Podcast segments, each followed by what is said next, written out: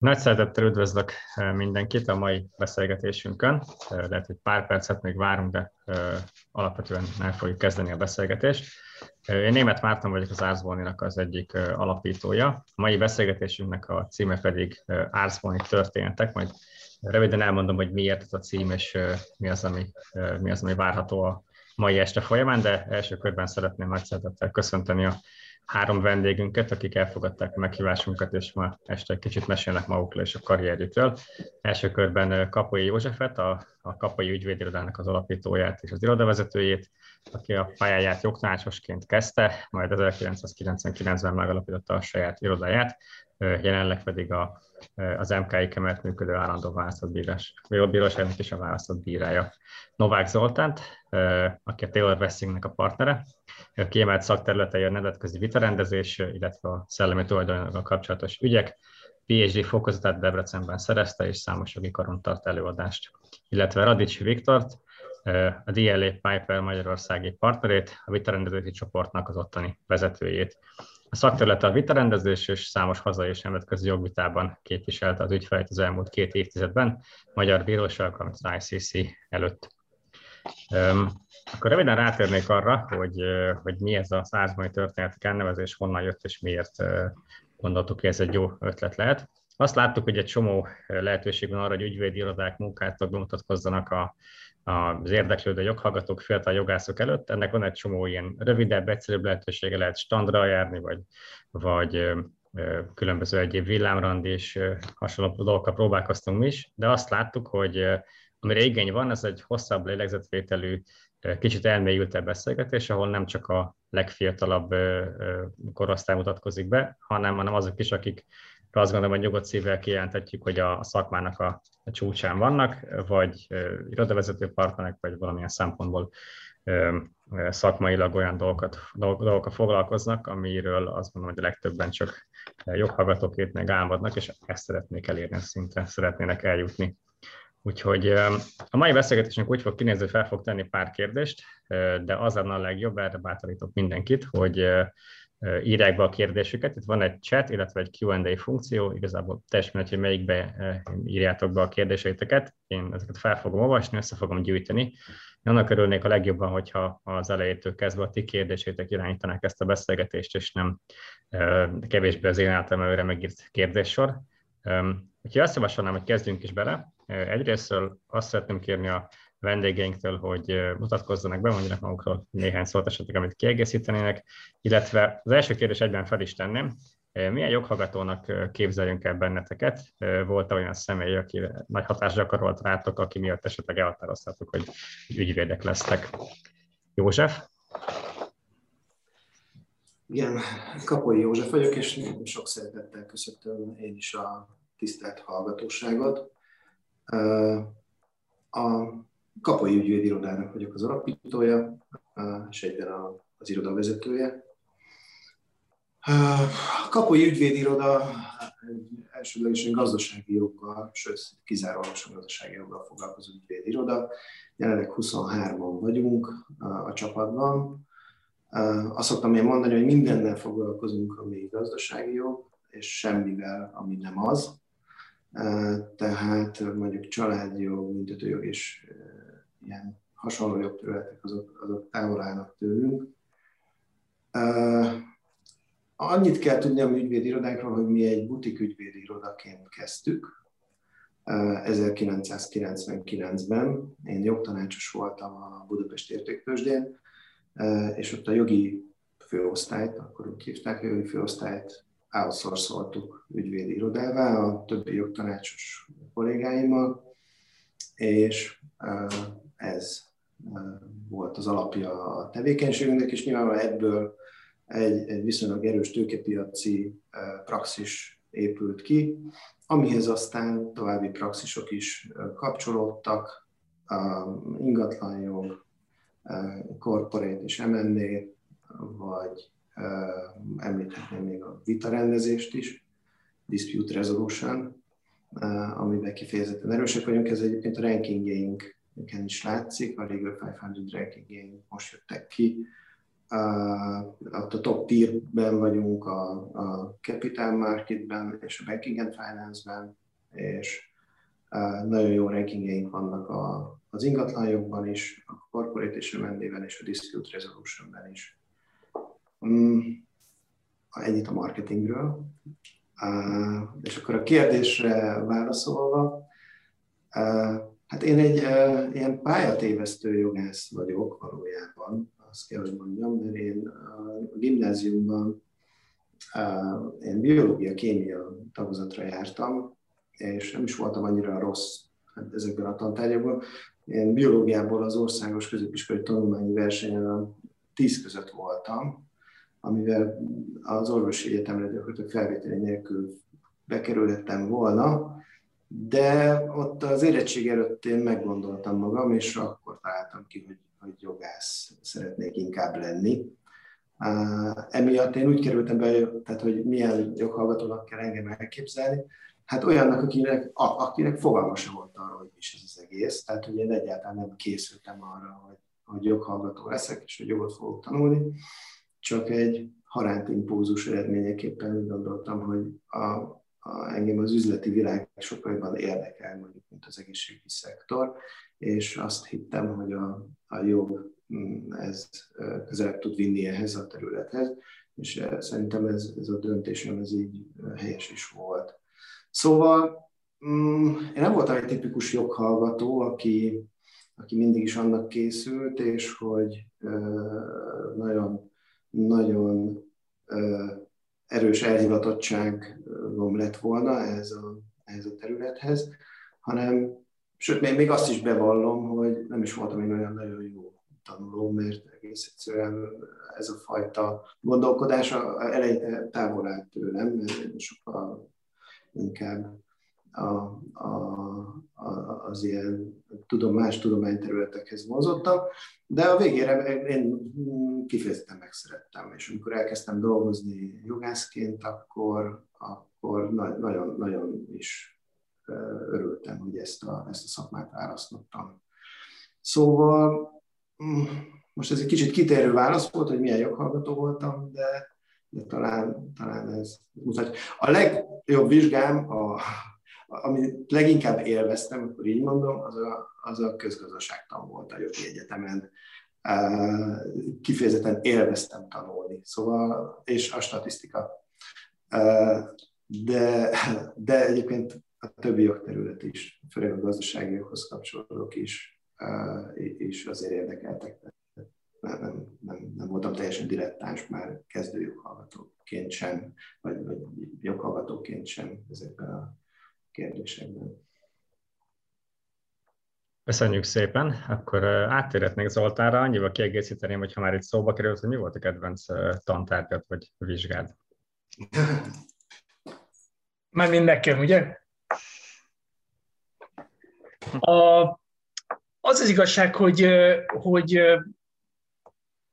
hasonló egy kicsit a, a helyzetem a Józseféhez. Én, a, ő azt mondta, hogy pályatévesztő jogász, én kiugrott bölcsésznek nevezném magam. A, én, én nekem bölcsészkarról van az első diplomám, történelemmel és filozófiával foglalkoztam hosszú ideig. Filozófiából PhD-m is van, és ezért egyébként a jogi karon én már úgymond úgymond nem annyira a, a lexikális tudásra a, tudtam koncentrálni, természetesen arra is, de, de ez a bizonyos filozófiai alap, ez, ez olyan, olyan pluszt adott a, nekem, ami, ami lehetővé tette, hogy, hogy tulajdonképpen a jogban a jogértelmezés oldalát tudjam már hallgatóként is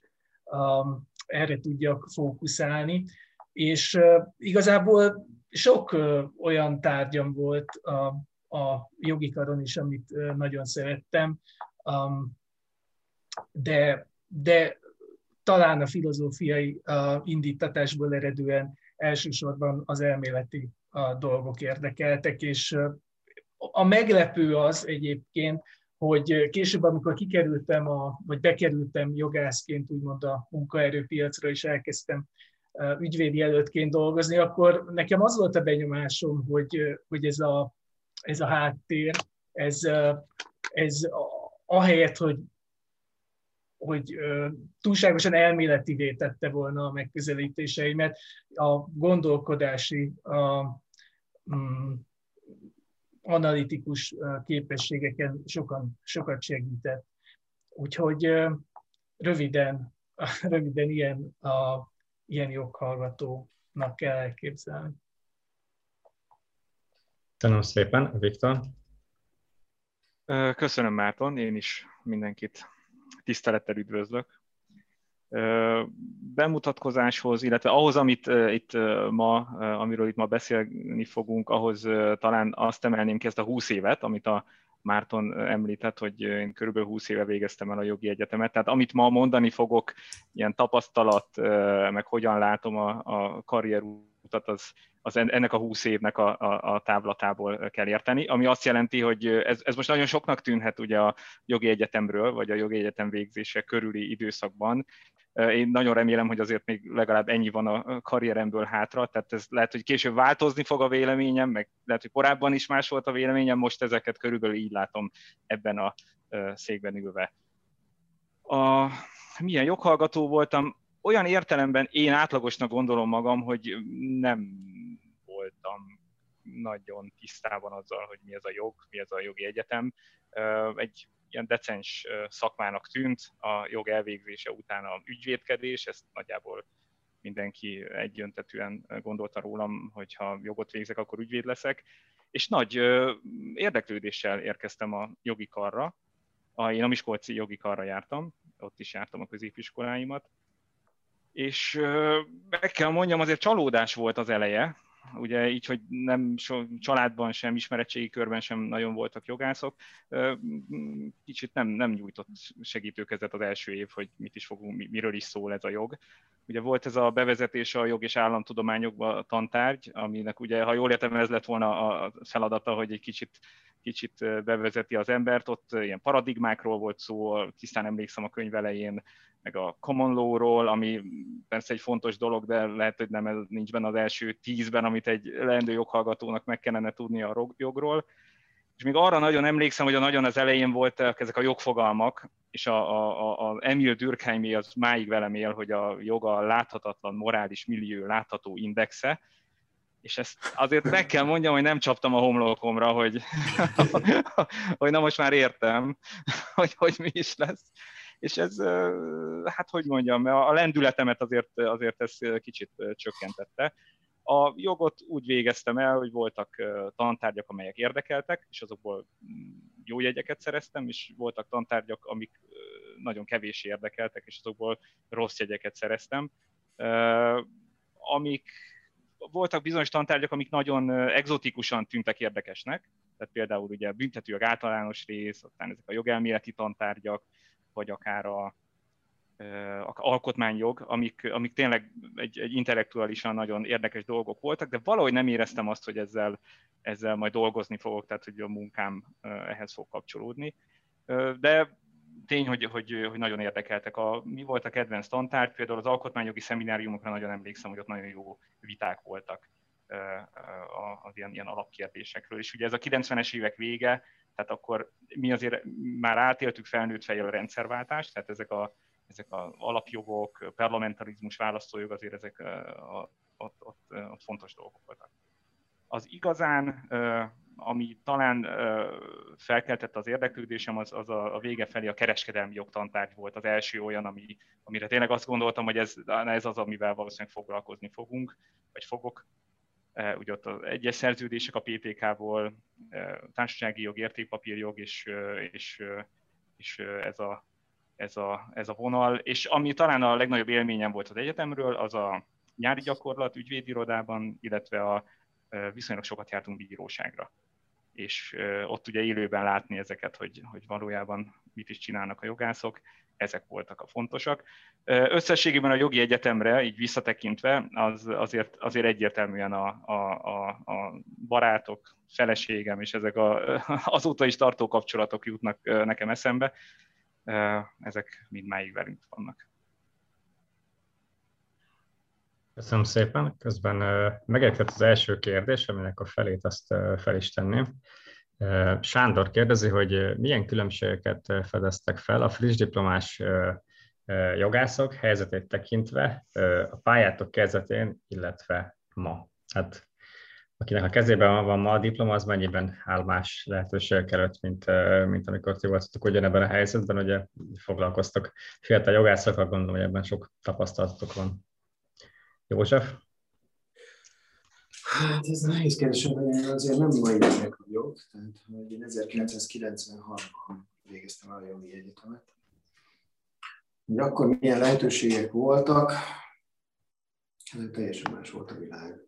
Tehát azért ez, az, az egy más világ volt. Tehát ez a rendszerváltás utáni időszak egy elég, elég mély válságban lévő ország volt, ugyanakkor most, hogyha, az, hogyha a gazdasági életet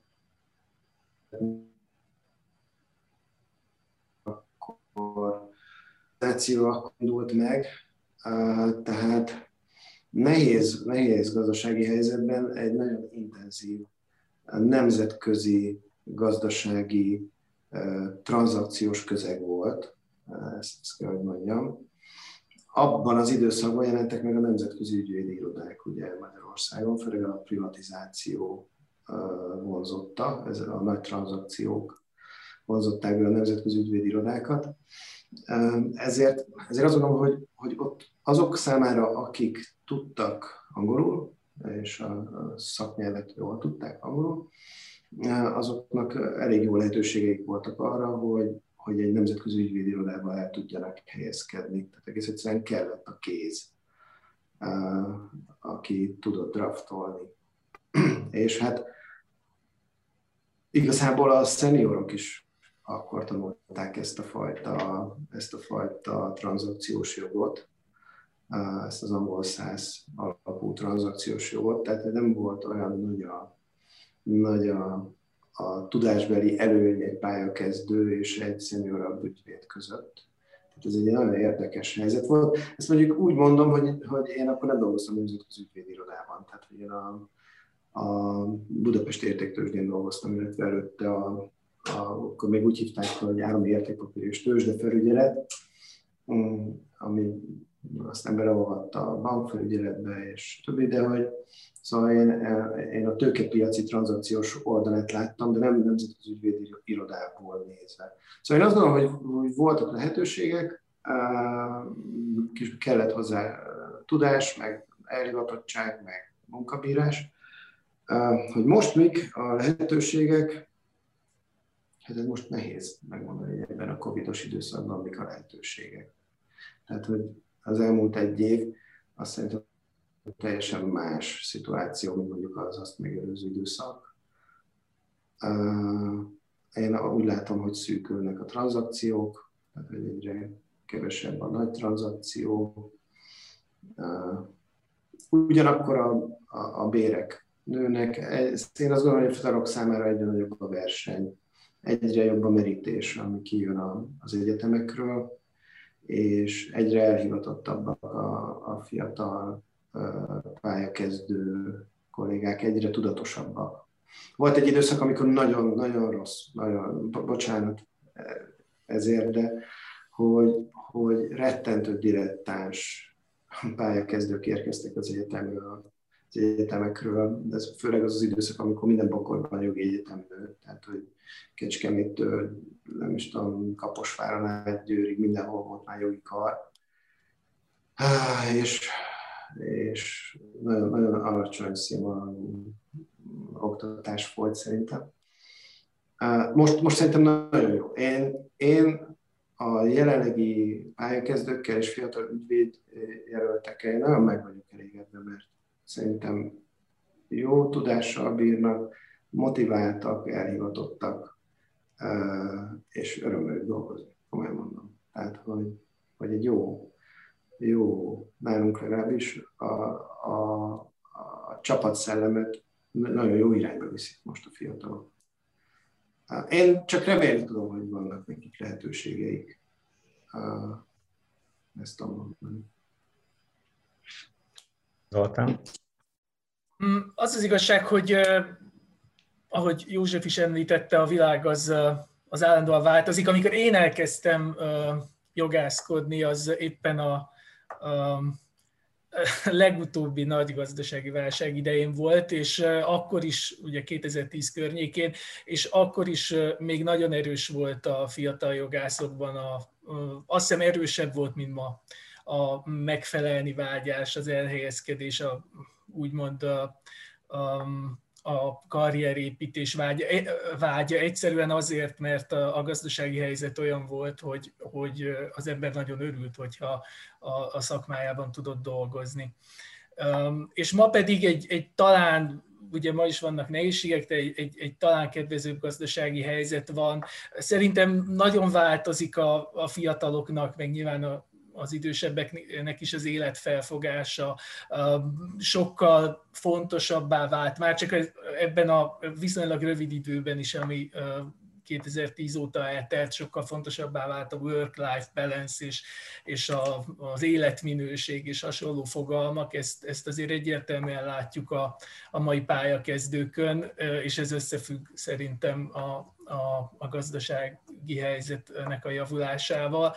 A, a másik, ami érdekes szerintem, az a nemzetköziségnek egy, egy bizonyos, ez a fogalom is változik. A, tehát a, az az időszak, amiről József beszélt, amiről nekem ugye már csak én is csak elbeszélésekből tudom, ez a 90-es évek aranykora, ez tényleg az az időszak volt, amikor a nemzetközi tranzakciók, a nagy magyarországi tőkebefektetések hatására, a külföldi jogrendszerek, ahogy József említette, az angol jogrendszereknek a hatása megjelent Magyarországon, és ez óriási újdonság volt akkoriban. És ez megmaradt, de, de szerintem azért ma is van egy folyamat, ami abba az irányba halad, hogy a minél nemzetközi látókör, minél nemzetközi kitekintés, a, az, az fontosabb. Tehát más jogrendszereknek a szemlélete, akár tranzakciókban, akár akár jogvitákban állandóan előjön, és, és nem lehet, egyre kevésbé lehet uh, már a a, akár nemzetközi ügyvédi irodák világában is pusztán azzal nemzetközinek lenni, hogy az ember nyelveket tud, vagy, vagy látott már um, amerikai típusú szerződést, vagy hasonló, hanem, hanem a látásmód uh, az sokkal, uh, az sokkal um, egy sokkal úgymond uh, olyan olyan megközelítést követel ma már meg, amelyben a magyar jogi egyetemen végzett,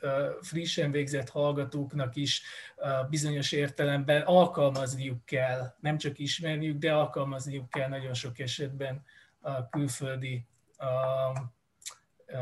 jogi fogalmakat. Úgyhogy én ezt a két dolgot emelném ki. Viktor? Köszönöm. Hát, amit ehhez hozzá tudnék tenni, ugye a kérdés, ha jól emlékszem, az, hogy milyen lehetőségei vannak a, a végzett joghallgatóknak. Amit mindenképp hozzátennék, ezek a, ezek a, a nemzetközi lehetőségek. Tehát az, az én benyomásom az, hogy, hogy rendkívül jó lehetőségeik vannak. Azt gondolom, hogy itthon a, a, például az ügyvédi irodai piac, amit talán jobban ismerek, az rendkívül fejlődik, egyre jobb irodák vannak, ugye beszélünk a nemzetközi irodákról, nagy magyar irodák, butik irodák, egyre magasabb színvonalú munka folyik ezekben a, ezekben a műhelyekben. Bármelyik nagyon jó lehetőséget biztosít a fiataloknak, ha ügyvédek szeretnének lenni, hogy ezt elsajátítsák. Amit most viszont tapasztalok az elmúlt időszakban, az a, már a jogi pályán is, az a külföldi munkavállalás ez a, az én időmben 2002-3 körül ez, ez teljesen kizártnak tűnt, annyira, hogy, hogy gyakorlatilag föl sem merült bennünk. Most viszont Egyrészt ügyfelek oldalán látom azt, hogy nem tudom, a luxemburgi ügyfélnek magyar jogi előadója vagy jogtanácsosa van, aki nem tudom, hat éve költözött ki, és nincs luxemburgi diplomája, vagy, vagy, vagy valami, tehát magyar diplomával indult, az biztos. De most konkrétan kollégáim dolgoznak, akik itt velünk kezdték a ügyvédjelöltként a munkájukat a jogvita rendezési csoportban, dolgoznak Frankfurtban, Londonban, nagy ügyvédi irodákban, a szakmájukban, peres ügyvédként, vagy hát leginkább ugye ez a nemzetközi választott íráskodás, ez ami ilyen kicsit portable tudás, amit, amit át lehet vinni az egyik irodából a másikba. Ez azért, azért ez egy rendkívül nagy különbség a között, ami, ami nekünk 20 éve a rendelkezésünkre áll, és azért ez egy új horizontot nyit szerintem a, a joghallgatók számára, amivel hát olyan magabiztosan élnek, és én úgy látom, hogy olyan, olyan információk birtokában vannak, és annyira jól ismerik ezeket az egyetemeket, ugye, hogy hol lehet egy, egy, egy elelemet elvégezni, azt is tudják, hogy a képzéseken hol lehet kitűnni azzal, hogy már a, a, a, a esetleg a tanáruk ajánl nekik valamilyen állást a, a, a saját ügyvédi irodájában. Tehát a, az én perspektívámból a lehetőségek nem hogy csökkentek, hanem kifejezetten nőttek, és, és rendkívüliek a fiatal pályakezdők számára. Köszönöm szépen. A következő kérdés apropóját az adja, hogy amikor ügyvédi iroda partnerekkel vagy jogászokkal beszélgetek, akkor gyakran úgy tűnik, hogy egy ilyen kalandos úton, de mégis egy ilyen szép egyenes ívet lát az ember, aminek a végén megtalálták azt a szakterületet, olyan tapasztalatokat szereztek, amik elősegítették azt, hogy, hogy ilyen pozícióba jussanak. A másik oldalról azt látom, hogy amikor kijön valaki az egyetemről, akkor nagyon tanástalan, mert egyrészt az egyetemen nem feltétlenül azokat a dolgokat tanítják, amiket, amiket később lehet foglalkozni, és abban is nagyon tanástalanok, hogy milyen jogterületen mennyi időt érdemes eltölteni, érdemes a több dolga belekóstolni, vagy egy dolgot elkezdeni, és azon, azon az íven tovább menni. Úgyhogy úgy tenném fel ezt a kérdést, hogyha egy pályakezdő jogász egy nem tudom, távoli rokon egy családi vacsorán megkérdezni tőletek, hogy, hogy mit tanácsoltok neki, hogy találja meg azt a területet, ami, amin később majd, majd elkezd dolgozni, és mondjuk az első öt évét az, az, az hol, hol töltse, milyen, milyen területeken, akkor mit válaszolnátok neki? József? Hát, én azt válaszolnám, hogy a kapai ügyvédirodában töltse el az első öt évét, nyilván. A, de most ez nyilván vicces, de ne, minden viccben van valami igazság. Tehát, hogy én az, azt gondolom, hogy, hogy próbál, hogyha tényleg elhivatottak és ügyvédek szeretnének lenni, és gazdasági joggal akarnak foglalkozni, akkor én nagy nemzetközi ügyvédi iroda helyett inkább egy középméretű ügyvédi irodát választanék, ami lehet éppen nemzetközi is. Tehát akkor a méretet, ahol még a, ezekben a practice groupokban való a tagozódás nem annyira éles. Tehát, hogy, hogy nincsenek annyira éles határvonalak. Tehát nekem az a tapasztalatom, hogy hozzánk azért jönnek szívesen a, a pályakezdők vagy a fiatalok, mert több jogterületbe is be tudnak bele tudnak kóstolni, míg mondjuk egy, egy nagyobb irodában egy-egy practice groupba be vannak sorolva, és, és nehéz abból így kikacsintani, és tapasztalatot szerezni más jogterületen. Tehát én azt hiszem, hogy egy fiatal jogász számára ahhoz, hogy egyáltalán kialakulhasson az érdeklődési köre, minél több jogterületbe kellene belekostolni, és persze e, ez hordozza azt a veszélyt is, hogy, hogy mindenhez ért egy kicsit majd, mire leszakvizsgázik, és semmi sem ért igazán, de talán el tudja dönteni azt, hogy, hogy mi az a terület, ami őt igazán érdekli, vagy mi az, amiben igazán jó. Úgyhogy, úgyhogy, úgyhogy én, én, én ezt javasolnám. Nem hiszem, hogy jogi egyetemről, hogyha valaki kijön, akkor azt fogja tudni, hogy ő már pedig ingatlan szakjogász lesz, vagy nem tudom, banking and finance-ben fogja a teljes szakmai karrierjét végig dolgozni. Azt se tudja, hogy mi az. konkrétan, tehát ebben teljesen biztos vagyok. Úgyhogy én csak azt merem javasolni mindenkinek, hogy próbáljon meg minél szélesebb körű tapasztalatot szerezni, hogy el tudja dönteni, hogy mi az, ami neki leginkább testhez álló, és mi, mi motiválja a legjobban. Köszönjük, Zoltán. Az az igazság, hogy lényegében egyet tudok érteni azzal, amit József mondott, tehát egy pályakezdőnek szerintem is nem árt, hogyha sok mindenbe belekóstol. Nyilván a nagy irodák is igyekeznek erre lehetőséget biztosítani. A mi irodánkban is erre a, igyekszünk lehetőséget biztosítani, tehát a széles perspektívát kínálunk, és ez, ez valóban egy pályakezdőnek fontos. Amit én szeretnék hozzátenni, és nem is feltétlenül csak a pályakezdő szinten, hanem akár már egy, már egy fiatal ügyvéd a pozícióban is, hogy az én nagy tapasztalatom az életben az, hogy a az, ezek a döntések, hogy mivel szeretnék én foglalkozni, ezek sok esetben hamis dilemmák. Tehát bizonyos értelemben fölösleges fölösleges azon túl sok, túl sok időt azzal eltölteni fiatal jogászként, hogy azon gondolkodok, hogy mit szeretnék csinálni. Hogyha adódik, nyilván, hogyha valakinek az az álma, hogy tranzakciós jogász legyen, vagy vitarendezéses jogász legyen, akkor úgyis az álmait fogja követni, és akkor uh, nincs kérdés. Akiben pedig nincs még meg ez az elképzelés, az pedig foglalkozzon azzal, és az, abba adjon bele mindent, ami éppen az adott helyzetben, amivel foglalkozhat, ott fejlesz magát, és, és igazából nem kell attól félni, hogy ez egy életre szóló döntés bizonyos értelemben. A mai világ szerintem már túlment azon, hogy hogy akár, akár, akár tíz évre előre az ember meg tudja határozni, hogy, hogy, hogy egyáltalán létezni fog-e még az, a, az az iparág akár, ami, amivel ő foglalkozik. De mindenképpen hasznos lesz az a tudás, amit azon a jogterületen nyer, és ahogy József is mondta, adott esetben rájön, hogy ő ezt szereti, vagy azt szereti, és ha később mégis mással fog foglalkozni, akkor is fogja tudni hasznosítani.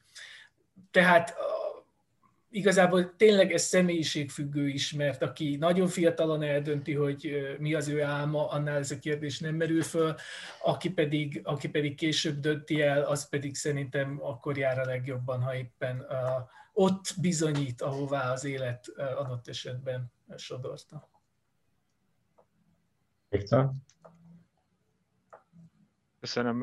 Annyiban feltétlenül egyetértek a előttem szólókkal, hogy ugye ez nem egy életre szóló döntés az első munkahely és az első jogterület, valamint, hogy, hogy pályakezdőként hát nagy valószínűséggel a pályakezdők többségenek tényleg nem sok fogalma van arról, hogy egyáltalán mik közül választ.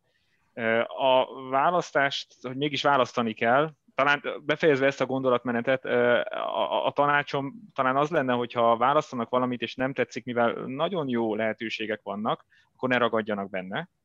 Tehát ha, ha, ha úgy érzik, hogy, hogy ez nem az igazi, akkor, akkor meg kell próbálni mást. Ez egyébként az én karrieremben többször is megtörtént és arra is figyeljenek, hogy ugye, hogy, ugye, hogy, hogy ismered föl azt, hogy, hogy na most ez az, hogy ez az, amit szeretnék csinálni. Ez az én tanácsom ebben az, hogy, hogy ami, ami könnyebben megy, mint a többieknek. Talán, talán nekem ez segített, hogy, hogy amikor, amikor észreveszed, hogy, hogy valami neked könnyebben megy, mint ha más csinálnál, meg talán könnyebben megy, mint a többieknek, hogy nem tűnik olyan nehéznek. Ha ilyet találnak, akkor viszont, akkor viszont mindenképpen azon, ott hát a maximális erőfeszítést meg kell tenni. A, most elhangzott ez a, ugye, hogy kis irodában vagy nagy irodában, ez tényleg mindenki maga döntse el. Én azt gondolom, hogy nagy irodákban jó lehetőség van.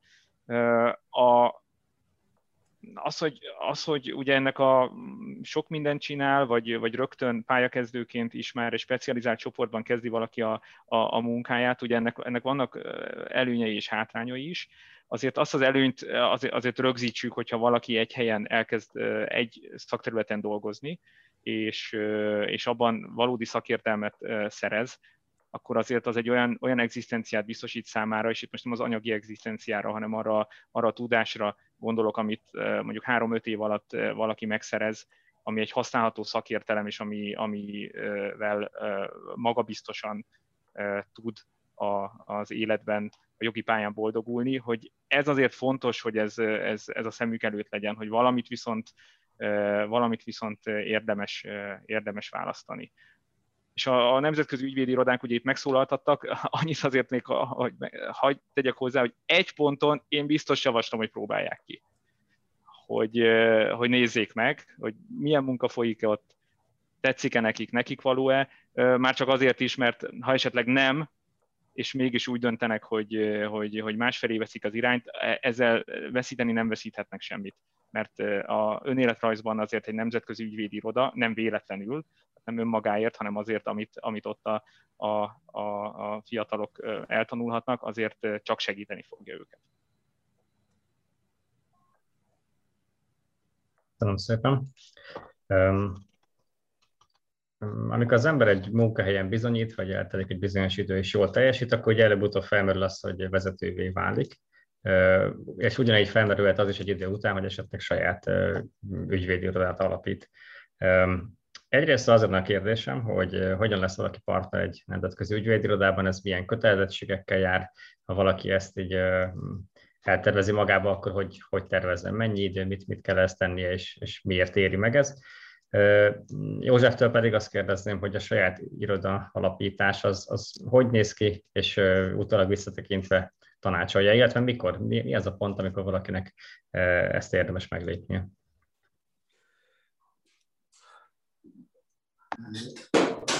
Jó kérdés.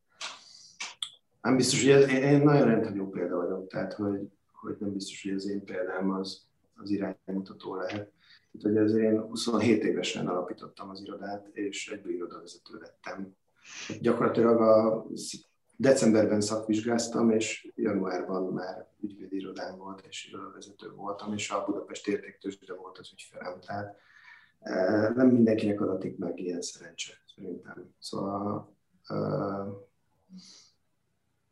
a, én azt gondolom, hogy ahhoz, hogy valaki saját ügyvédi irodát alapítson, ahhoz mind a mellett, hogy tényleg nagyon elhivatottnak kell lenni, és szakmailag felkészültnek, más készségek is kellenek. Tehát, hogy egy, ez egy vállalkozás. Tehát azt kell látni, hogy ez egy vállalkozás, és bizonyos értelemben üzletembernek kell lenni ahhoz, hogy, hogy ez működtethető legyen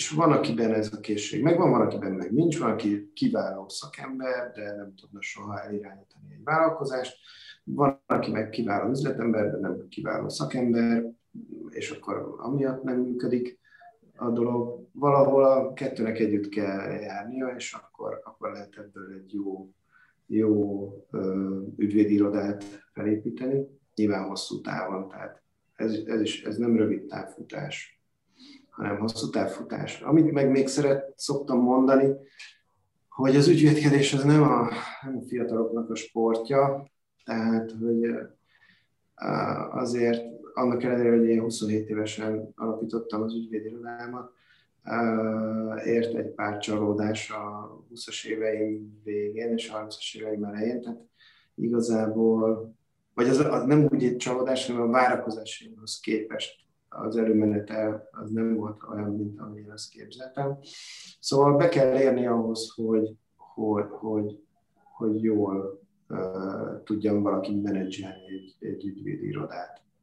Szóval a fiataloknak én azt mondanám, hogy nem biztos, hogy a szakvizsgázott, frissen szakvizsgázott ügyvédként azonnal a saját ügyvédirodát kell alapítani. A, de hogyha valakinek megvan erre a készsége, akkor persze csinálja. Egyébként meg, hogy hogyan lesz partner, valaki például nálunk, nálunk négy partner van, én, úgy, hogy alapítottam egy irodát, úgy lettem partner. A ketten úgy, hogy nemzetközi ügyvédi irodából csatlakoztak hozzánk, és van egy olyan partnerünk, aki egyébként kezdőügyvédjelöltként indult, és ma ő vezeti egyébként a, az irodánk zászlós hajójának tekinthető tőkepiaci csoportot. Tehát itt tanulta a szakmát, és én át is adtam ennek a területnek a vezetését számára, és partneri minőségben van. Tehát nálunk minden elképzelhető. Tehát, hogy a, a, ami, ami lehetséges, az a partneri szinten megvalósult. Nem tudom, hogy válaszoltam-e a kérdésre, de Szerintem igen, közben érkezett ehhez kapcsolódóan egy, egy kérdés a hallgatóságtól, hogy ezt, ezt megkérdezem tőled is, és a többieknek is feltenném majd ezt a kérdést, hogy mit jelent szerintetek jó üzletembernek lenni? Hogy lehet ezt megtanulni jogászként? Hogy alapvetően a jogi képzés azért nem feltétlenül erre tenni hozzá az embereket, de, de irodavezetőként, meg partnerként kell egy ilyen gondolkodás. Ez, ez hogy működik nektek? Ez hogy, hogy sikerült? Nekem Hájó Kovács módszerrel, tehát hogy a, a, a magam, magam kárán, meg a magam uh, uh, sikereint tanulva, tehát, és sem nem, senki mástól nem, nem, nem tanulhattam. Rengeteg információt kell folyamatosan frissen tartani a, a piacról, az ügyfelekről, a potenciális ügyfelekről, a kollégákról, a, a, ugye a, a munkaerőpiacról, az adózásról, a, a mindenről. Tehát igen, nagyon, nagyon, nagyon komplex tudást igényel, és nagyon, nagyon napra késznek kell lenni ezekben az információkban. Mind a mellett, hogy egyébként az sárt, hogyha az ember a szakmájában jó, tehát hogy, hogy jó ügyvéd mindeközben. Szóval nem olyan nagyon egyszerű ám, ezt csak így mondom mindenkinek, hogy, hogy lehet irigykedni, meg így kívülről lehet, hogy így jól néz ki, de nagyon, nagyon, nagyon ott kell lenni minden nap és jó döntéseket kell tudni hozni. Köszönöm, szóltam. Hát én beszéltem az elején arról, hogy én filozófusnak indultam, ez uh, félig meddig rányomja a bélyegét uh, arra a válaszra, amit most adni fogok, uh, több szempontból is. Uh, alapvetően egyetértek Józseffel abban, hogy uh, ez, ez a döntés uh, a saját irodalmadott esetben, vagy az üzletemberré válás uh, bizonyos értelemben, ez, ez nagyon erősen személyiségfüggő szerintem. Tehát vannak olyanok, akik már 20 évesen nem tudják azt elviselni, hogy más parancsol nekik, tehát hogy van egy felettesük, mondjuk ügyvédi előttként ezt, ez egy probléma lehet, és vannak mások, akiknek ezzel igazából semmilyen problémájuk nincs, tehát akik nagyon jól be tudnak tagozódni akár egy, egy, egy munkahelyre, ha kapnak egy feladatot, nagyon jól megcsinálják, lelkesen megcsinálják, örülnek, hogy megoldanak egy problémát az, azok az emberek, akik inkább ebbe a kategóriába tartoznak, nekik jelent nagyobb kihívást, akár a partneri válás, vagy akár a saját iroda alapítás, hiszen ahogy ezt József mondta, ez a saját iroda partnerség igazából egy teljesebb, egy, egy sokoldalú személyiséget igényel, mint a problémák megoldása.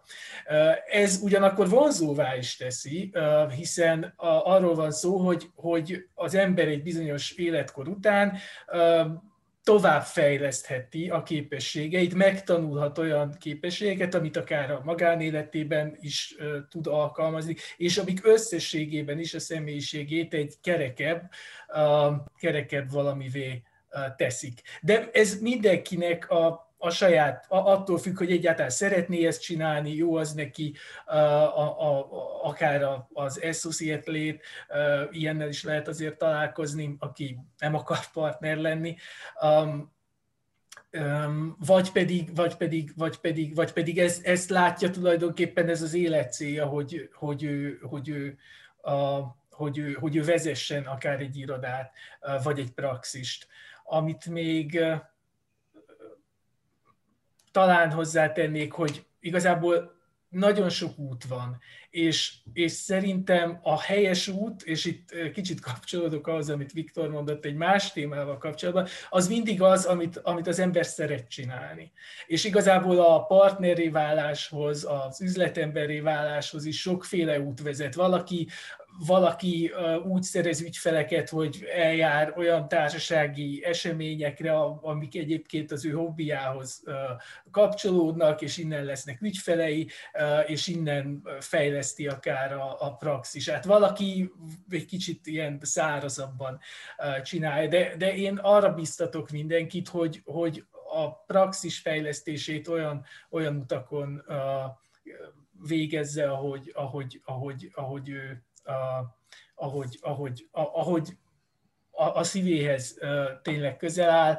A partneri válásról nagyon röviden annyit, hogy ahogy azt József mondta, igazából tényleg sokféleképpen lehet nálunk a Taylor Wessingnél most mind a három partnerünk belső a fejlesztés eredménye, úgymond, tehát mi a, úgymond a szakmai a, teljesítményünkkel értük el azt, hogy partneré váltunk, de adott esetben természetesen más utak, és a saját iroda is, is, egy, is, egy, is egy nagyon szép út. Viktor? Hogyan lehet partneré válni? Talán, talán azzal kezdeném, hogyan lehet egy nemzetközi ügyvédirodában sikeresnek lenni, mert maga az, hogy, hogy rögtön a partnerséggel kezdjük, ez, ez gondolom inkább csak egy ilyen, egy ilyen szimbólum, hogy, hogy hogyan lehet valaki sikeres a nemzetközi ügyvédirodában, hiszen azért sok minden más formája is van a sikerességnek egy ilyen szervezeten belül hát bekerül valaki ügyvédjelöltként, vagy tehát ez a, ez a tipikus módja nálunk is a partnereknek a döntő többsége ügyvédjelöltként kezdett ebben az irodában, belértve engem is, bár én dolgoztam máshol is, és az utolsó pillanatban a szakvizsga előtti ti, évben érkeztem ide, de papíron van róla, hogy itt voltam ügyvédjelölt. Először is próbálja az ember megvetni a lábát, tehát hogy, hogy, hogy, hogy benn maradjon, ehhez az jó kell dolgozni. Aztán, aztán egy, egy kicsit, kicsit meg kell találni a helyed, tehát hogy, hogy végül, is, végül is mi a te szereped ebben az irodában, mihez értesz, milyen munkákkal fognak téged megtalálni. Ehhez azért az a fontos, hogy, hogy előbb-utóbb kiderüljön, hogy mihez értesz, itt, itt azért aktív lépéseket is kell tenni, tehát azért érdemes egy kis self-marketinggel, meg, meg, meg valahogy ezt a, a többiek tudomására hozni, hogy, hogy te, hogy valamihez értesz, vagy legalább érdekel. Nem kell olyan nagyon érteni, csak legalább érdekeljen, tehát hogy legyen egy jelző, egy címke rajtad, hogy na, hogy ha valakinek eszébe jut, hogy közigazgatási per, akkor nem tudom, hozzá fog menni.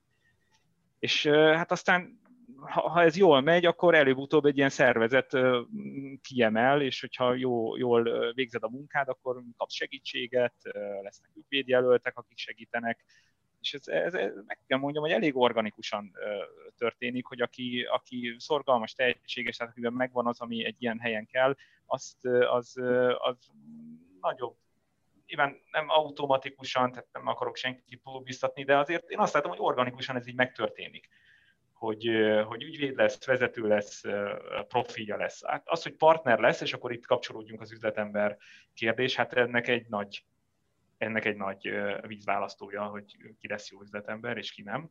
Hozzáteszem, nagyon tetszik a kérdésnek a második fele, hogy hol, hogy lehet ezt megtanulni. Ugye a kérdező, van egy probléma, üzletembernek kell lenni, akkor hol, hol szerzem meg a választ, ez egy nagyon jó uh, hozzáállás nyilván egy ekkora szervezetben rengeteg tréning van, hazai, nemzetközi, amit lehet, megtesznek.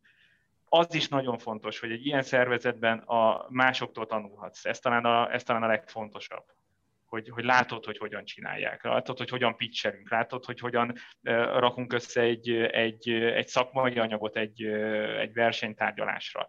Látod, hogy hogyan ápoljuk az ügyfél kapcsolatot, milyen, milyen marketing eseményeket szervezünk, hogyan, hogyan tartjuk fenn az ügyfél érdeklődést, az ügyfél kapcsolatot olyan esetekben, ha már, ha már régebben volt megbízás. Tehát ezeknek, ez, ez azért itt a, a vezetőktől ezt jól el lehet tanulni. Viszont a, a, az utolsó pont az én az, hogy, hogy, hogy valaki hogyan lesz igazán sikeres, ezzel teljesen egyetértek az Zoltánnal, hogy, hogy azért ehhez, mint partner, tehát mint üzletember, vezető, ahhoz, ahhoz azért, azért valamilyen személyes indítatás, valamilyen e, egy erre való képesség, vagy ez iránti érdeklődésre azért, azért szükség van. Viszont ami a nagyon fontos üzenet itt, hogy aki, akiben, akiben, akiben ez nincs meg, vagy nem is érdekli, mert azért nagyon sokakat nem érdekel, meg tudom őket érteni. Úgyhogy azért, ahogy József is elmondta, a jogászi pályahoz képest ez az üzletemberi pálya azért ez egy elég eltérő dolog, hogy nekik is abszolút egy ilyen nagy szervezetben az a jó, hogy, hogy abszolút helyük van, és abszolút továbbra is megbecsült, megbecsült tagjai lehetnek egy ilyen irodának. Köszönöm szépen. A hallgatóságot bátorítanám arra, hogy írják be a kérdéseiket, még egy ilyen szűk 10 percünk van, addig, amilyen kérdés beérkezik, megpróbáljuk megválaszolni. Egy korábban feltett kérdést akkor most feltennék én is. Merült-e fel összeegyeztethetetlen ellentét a munka és a magánélet között valaha is? Amennyiben igen, milyen tippekkel tudnátok szolgálni ezek elkerülése céljából? Annyival egészítenem ki egy általánosságban, hogy most egy eléggé felkapott téma a jogászok körében a, a kiégés, a, a motiválatlanság, hogy ezt, ezt ti ezzel hogy birkoztok meg a pályátok során? Van esetleg valami, amit tudnátok tanácsolni? József? Nem tudom, én, én mindig élveztem a munkámat. Én sosem. Én mindig a magánéletemnek a részének tekintettem a munkámat is. Tehát, hogy, mm, és én azt gondolom, hogy nem volt nekem ezzel kapcsolatos konfliktusom, szerencsére. Inkább a fiataloknak mondanék valamit. A most a kijövő generációnál, amikor korábban nagyon szép szavakat mondtam, nem annyira érzem ezt a dilemmát, de volt egy ilyen 5-6-8 évvel ezelőtt egy generáció, akik jöttek ki az egyetemről, és az állásinterjúkon mindenki azt feltették ezt a kérdést, hogy mi irodánkban hogyan lehet biztosítani a work-life balance-t. Mindezt 24 évesen. Tehát, hogy hogyan lehet a, a karrier, hogyan tudnám a karrieremet összeegyeztetni a magánéletemmel és a, mondjuk, miután a tizedik ilyen kérdést kaptam az állásinterjúkon egy 24 éves kollégától, akkor, akkor őszintén megmondom, hogy nem bírtam tűrtöztetni tovább magam, mert hogy nem, nem, nem, nem értettem, hogy miről beszélnek. Tehát egy 24 éves friss egyetemistának szerintem se karrierje nincsen még, se olyan jellegű magánélete, amit nem nagyon lehet, amiből nem nagyon lehetnek kicsit áldozatot hozni. Tehát gondolom, hogy nincs három gyereke, akiket óvodába, bölcsödébe, iskolába kell hordani, és nincs is karrierje, amit kockáztatnia kellene a magánéletének az oltárán. Tehát én azt mondtam a tizedik ilyen interjú alanynak, hogy hát szerintem először meg kell próbálni valamelyiket felépíteni, vagy a karriert, vagy a magánéletet, és aztán elgondolkodni azon, hogy melyiket érdemes feláldozni, melyiknek az oltárán. Szóval én azt gondolom, hogy a fiataloknak nem ezen kellene gondolkodnia. Tehát ez egy, ez egy rossz megközelítés. Tehát szerintem nekik, nekik úgy kellene nekivágni az életnek, hogy mindent meg szeretnének valósítani. A karrierjüket is, a magánéletüket is, és nem azon aggódni, hogy, hogy mit áldoznak fel, miért. Hát ők még fiatalok, teli vannak energiával, tetvágyjal, vagy kellene, hogy legyenek. Oda kellene adni nekik az oroszlánt is. Tehát, hogy én nem hiszem, hogy ez, a, ez az a kérdés, ami, ami egy friss joghallgató, vagy egy frissen végzett jogásznak aggódnia kellene. Mm. Szóval ne aggódjanak a fiatalok emiatt hanem éljenek és dolgozzanak. És aztán majd, hogyha érzik, hogy konfliktus támad a kettő között, akkor majd el, el lehet kezdeni gondolkodni ezen, hogy hogyan lehet jól menedzselni ezt a két dolgot. De, de, ne, de a legelején ne, ne, ne ez legyen a ne ez legyen a dilemma a pályaválaszt, vagy a karrier megtervezésénél. Tehát, hogy, sok, sokkal több ambíciót, sokkal, sokkal több odaadást kell, kell beletenni a legelején. Én, én ezt gondolom. Köszönöm, Zoltán. Részben egyetértek Józseffel, um, és ugye ez visszavisz oda, amit már többször említettünk többen is a panelban, hogy, hogy az ember foglalkozzon azzal, amit szeret. Tehát én, én azzal teljesen egyetértek, hogyha valaki szereti azt, amit csinál, a, szereti a munkáját, érdekli, a, szeret megoldani problémákat, egyszerűen foglalkoztatja egy bizonyos téma, egy bizonyos probléma, és a legtöbbet szeretné belőle kihozni, akkor ez a, akkor ez a kérdés, ez a work-life balance, ez, ez, ez nem föltétlenül úgy merül föl, mint, mint, mint egy olyan embernél, aki kevésbé, aki kevésbé lelkes. Tehát az első számú megoldás az az, hogy próbálják megtalálni a fiatalok azt a területet, azt a, mm, azt a tevékenységet, amit igazán szeretnek csinálni, és akkor, és akkor ez, már, ez már félig megoldja ezt a kérdést. A, ami a, a, ahol egy kicsit másként látom, mint József, az az, hogy hosszú távon nyilván az embernek a szakmai élete az, és ugye József is említette, hogy neki is voltak nehézségei, és mindenkinek vannak, mindenkinek vannak hullámvölgyei a magánéletében, szakmai életében is, és, és azoknak, tehát a kiégés szerintem, a, amit ma így hívunk, az nagyon sokszor olyan olyan szituációkban jelentkezik, legalábbis az én tapasztalataim szerint, amikor valaki nagyon sokat megtesz valamiért, és ahogy József is említette, nem föltétlenül azonnal éri el azt az eredményt, amit szeretett volna, ez, ez frusztrációt okoz, csalódást okoz, és, és, és sok esetben olyan, olyan tüneteket eredményez, amit, amit mostában kiégésnek hívunk, tehát az ember elveszti az érdeklődését a munkája iránt, ami nem, ami nem jó. És ez, az ilyen helyzeteknek az elkerülésére érdemes uh, mégis a, a magánéletre mindig figyelni, és, és, és mindig észben tartani azt, hogy a munka mellett van más is, ami fontos az életben, hogy azokban az időkben, amikor a munkában esetleg nem úgy jönnek össze a dolgok, ahogy tervezte, tudjon mibe kapaszkodni, ami, ami kisegíti őt ezekből a nehéz időkből. Viktor? Köszönöm. Én ezt a kérdést magam egyszerűségével úgy szoktam lefordítani, hogy értsem, hogy mit kérdeznek a, ilyenkor a, a, a kérdezők hogy sokat kell-e dolgozni, hogy nagyon sokat kell-e dolgozni. Lehet, hogy félreértem, de az én fejemben ez, ez valahogy ennek ez a, ez a egyenlőség jele. Igen, sokat kell dolgozni, amit, amit láttok, hogy uh, ugye sokféle készséggel lehet sikeres az ember, az a készség, ami, vagy ha ez készség egyáltalán, ami viszont talán a, a legfontosabb, hogy minden készségtől függetlenül önmagában is kiemelheti a, az illetőt egy karrier szempontjából, lehet, hogy nem a top karrier, de egy, egy, egy decens karrier szempontjából, az az ambíció. Tehát ha valaki ambíciózus, ezt láttam itt magam körül az elmúlt uh, 10x évben, hogy ha valaki ambíciózus, az valahol valamilyen karriert fog magának csinálni.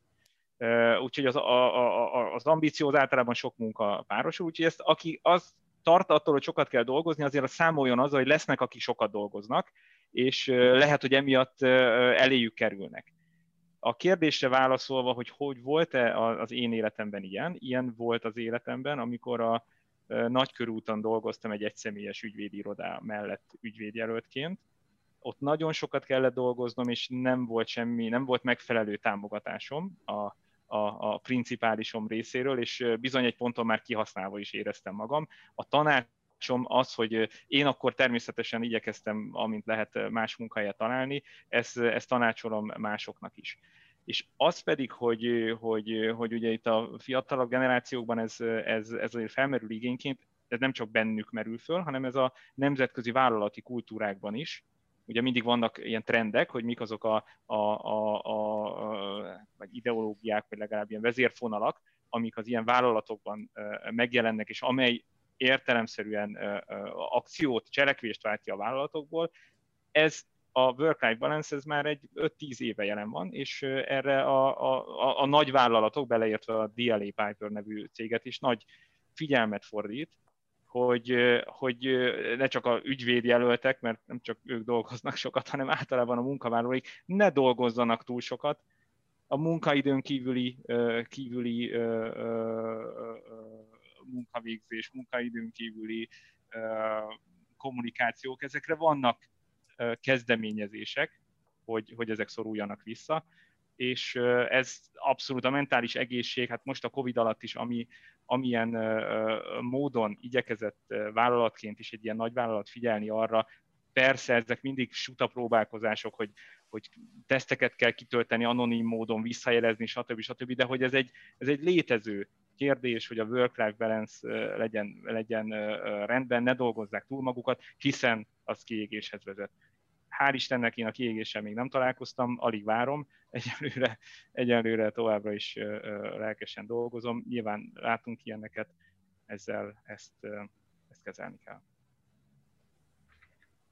Köszönöm szépen. Érkezett még egy kérdés, ezt én egyen megtoldanám, és akkor ezzel zárnánk a mai beszélgetést. A kérdés az így hangzik, hogy az önök szemében a hosszas távoktatás csökkenti a mostani joghallgatói generáció diplomájának értékét, és egyel általánosabban azt a kérdést vetném fel, hogy már amennyiben ezt meg lehet mondani, aki hosszú távban gondolkodik, abban gondolkodik, hogy nem feltétlenül most, hanem egy 5-10 év múlva mi az, ami sokat érhet bármilyen képzés vagy, vagy készség, amit, amit kifejlesztett, akkor mi az, amit, amit tanácsolnának egy mai joghallgatónak, vagy, vagy fiatal jogásznak? Mi az, ami, ha hosszú távon akar gondolkodni, akkor mifelé érdemes orientálódnia? József? Hogy a távoktatás milyen hatást tud gyakorolni a kompetenciára, hát kizár dolog, nem tudom. Tehát nincs rá példa. Tehát, hogy vagy, vagy legalábbis Magyarországon is példa, nemzetközi példákat biztos lehet hozni a múltból, hogy sok olyan egyetem van, ahol, ahol távoktatás keretében korábban is lehetett tanulni. Én bízom benne, hogy nem. Egyébként nálunk van két egyetemista, sőt, három egyetemista gyakornak is, az egyik nem szakvizsgázik, őt nem tekintem már annak, tehát igazából kettő. És a tavaszi szezon vonatkozásával, fél év vonatkozásával nagyon rossz, rossz tapasztalatokat szereztek, tehát hogy gyakorlatilag értelmezhetetlen volt szerintük a távoktatás, de őszre ez elég jól kiforta magát, legalábbis én, én csak azokból az információkból tudok dolgozni, amit tőlük kapok. Szóval lehet, hogy, lehet, hogy ez, ez nem fog a kompetencia rovására menni ez az időszak. De gondolom, hogy jobb azért a, a személyes jelenlét, mint a távoktatás. Hogy milyen készségeket kellene megszerezni, hogy 5-10 éves távon is használható legyen.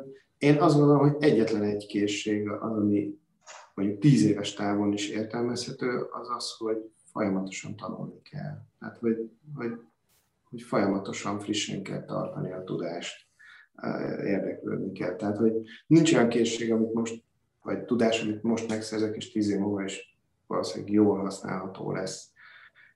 Sőt, ez egyre kevésbé igaz, szerintem egyre gyorsabban változnak a dolgok.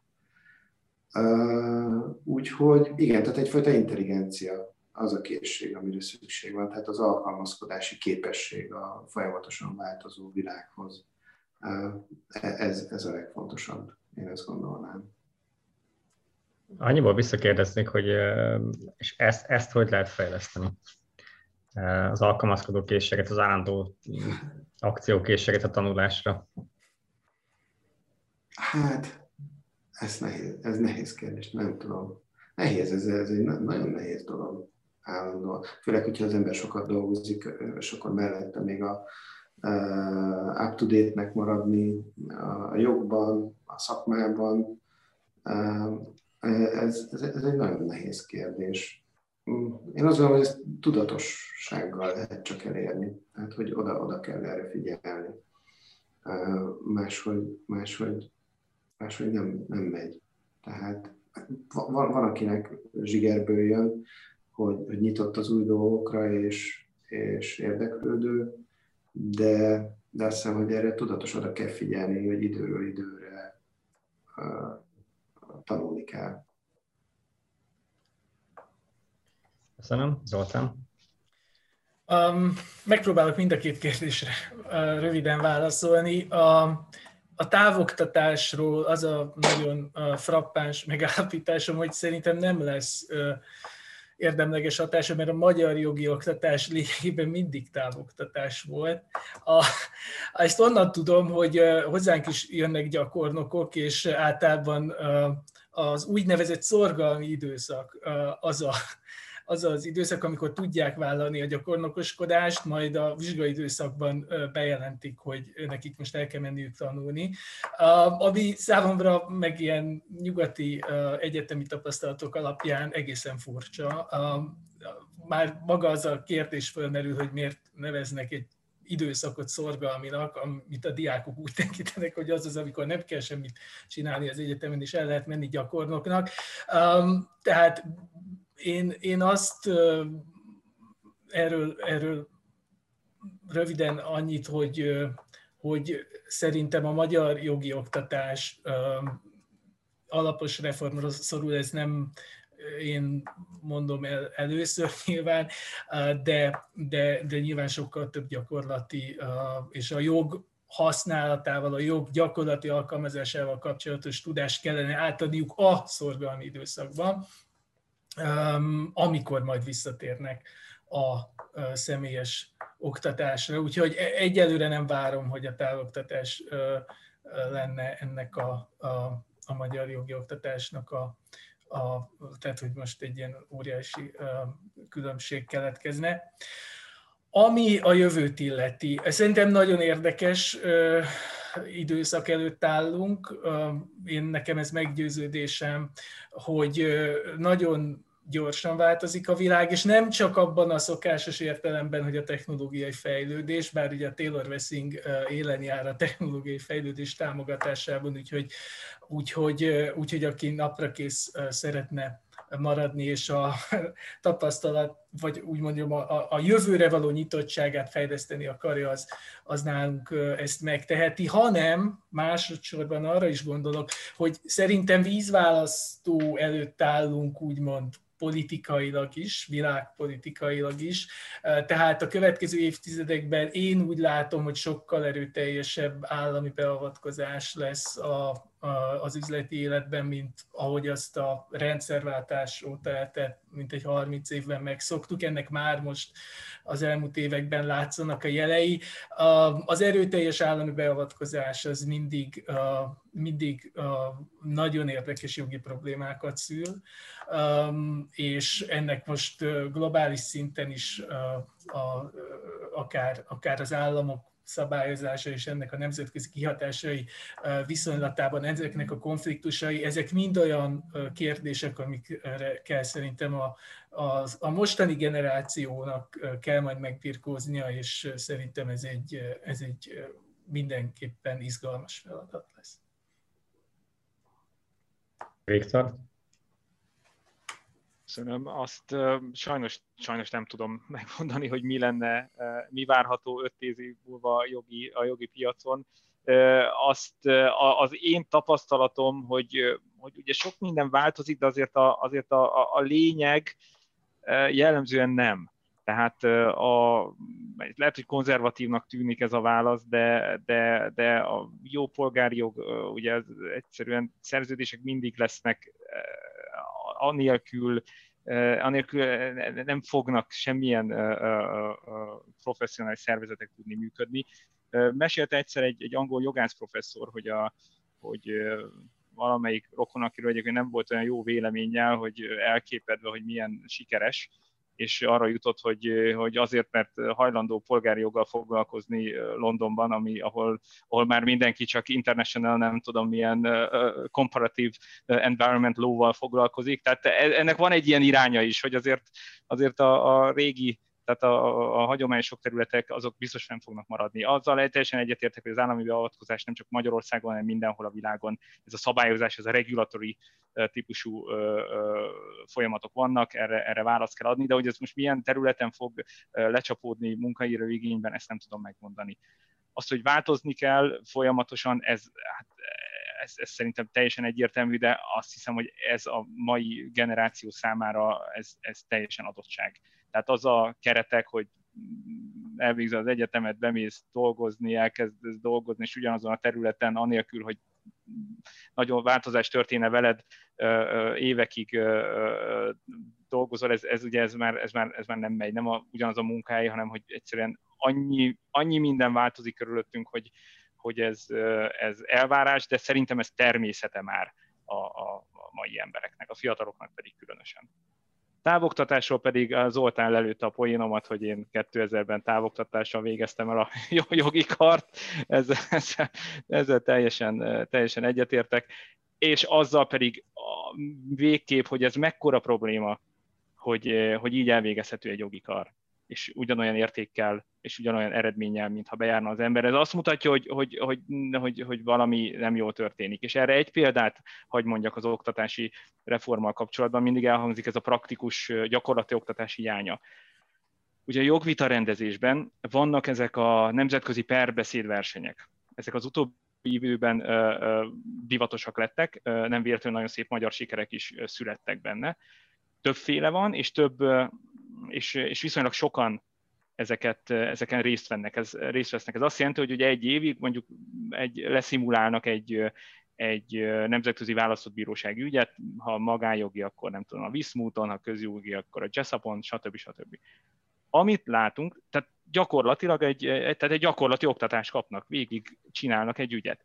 Az, hogy ezt én, mint, mint ugye munkaadó, hogy ez nekünk mennyit segít a munkánkban, hogy olyan emberek jönnek ki, akik tudják azt, hogy hogy kell írni egy iratot, hogy hogy kell érvelni, hogy hogy zajlik egy, egy, egy mondjuk egy nemzetközi választott bírósági eljárás, de nem szűkíteném le ezt erre a nemzetközire, hanem önmagában a jogvita rendezés folyamatára, hogy kell írni. Hát az egyetemen nem tanítanak, ugye nincs szerződésírás. Ez, értem, hogy elmélet gyakorlat, de micsoda segítség lenne, hogyha, hogyha ez meg lenne, és milyen jó példa, hogy ahol van konkrét gyakorlati tantárgy, ugye ha jól tudom, ezek valamilyen választható tantárgyként szerepelnek a, a, a, a programban, az akár egy év is milyen sokat segíthet a használható tudás elérésében. Úgyhogy erre viszont mindenkit bátorítok, hogyha jogvita rendezéssel akar foglalkozni, meg egyébként is, hogy, hogy használja ki ezt, és hát biztos vagyok benne, hogy azért vannak a jogi karokon más ilyen gyakorlati ö, ö, ö, tapasztalatot is biztosító órák, hogy ezeket, ezeket én nagyon javaslom kipróbálni. Köszönöm szépen. Akkor mielőtt lezárnánk a mai beszélgetést, egy reklámblokkot engedjen meg mindenki. Lassan a végéhez ér a, a Legal Fest, még most a, már zajlik a mai nap utolsó előadása az influencerekről. Itt szerintem még át tudtok menni, hogyha szeretnétek. A linket be is tette a kollégám, a hátsó sorokban talán még lesz hely. A holnapi nap folyamán is lesz még néhány stand, lesz egy pár előadás, és két ügyvédiroda, a Peterka Partners és a Széchenyi ügyvédiroda is be fog mutatkozni, akit érdekel, azt még meg tudja hallgatni ezt a két előadást. Amit talán még érdekes, hogy ősszel is mindenképpen tervezünk Legal Festet, remélem, hogy akkor már legalább részben személyesen is tudunk találkozni. A korábbi években az akváriumban tartottuk, az mindig egy jó volt, amikor egy ilyen tartalmas beszélgetést tudtunk folytatni, meg tudtunk vitatni akár egy, egy sör mellett. Sajnálom, hogy pont a jogi oktatást nem hagytuk abba, úgy érzem, hogy itt még szerintem akár egy külön egy órás beszélgetést is elkezdhettünk volna, de, de reméljük, hogy lesz alkalmunk máskor is beszélgetni. Én nagyon szépen köszönöm a vendégeinknek, Kapoly Józsefnek, Novák Zoltánnak és Adics Viktornak, hogy rendelkezésünkre álltak és megosztották a gondolataikat. Ugye őszintén elmondták a véleményüket. Én sokat tanultam belőle, remélem, hogy, hogy számotokra is hasznos volt. tartsatok velünk holnap is, és remélem, hogy hamarosan találkozunk. Szép estét mindenkinek! Viszlát! Viszontlátásra, és köszönjük szépen! Köszönjük, köszönjük szépen, viszontlátásra, sziasztok! Thank you.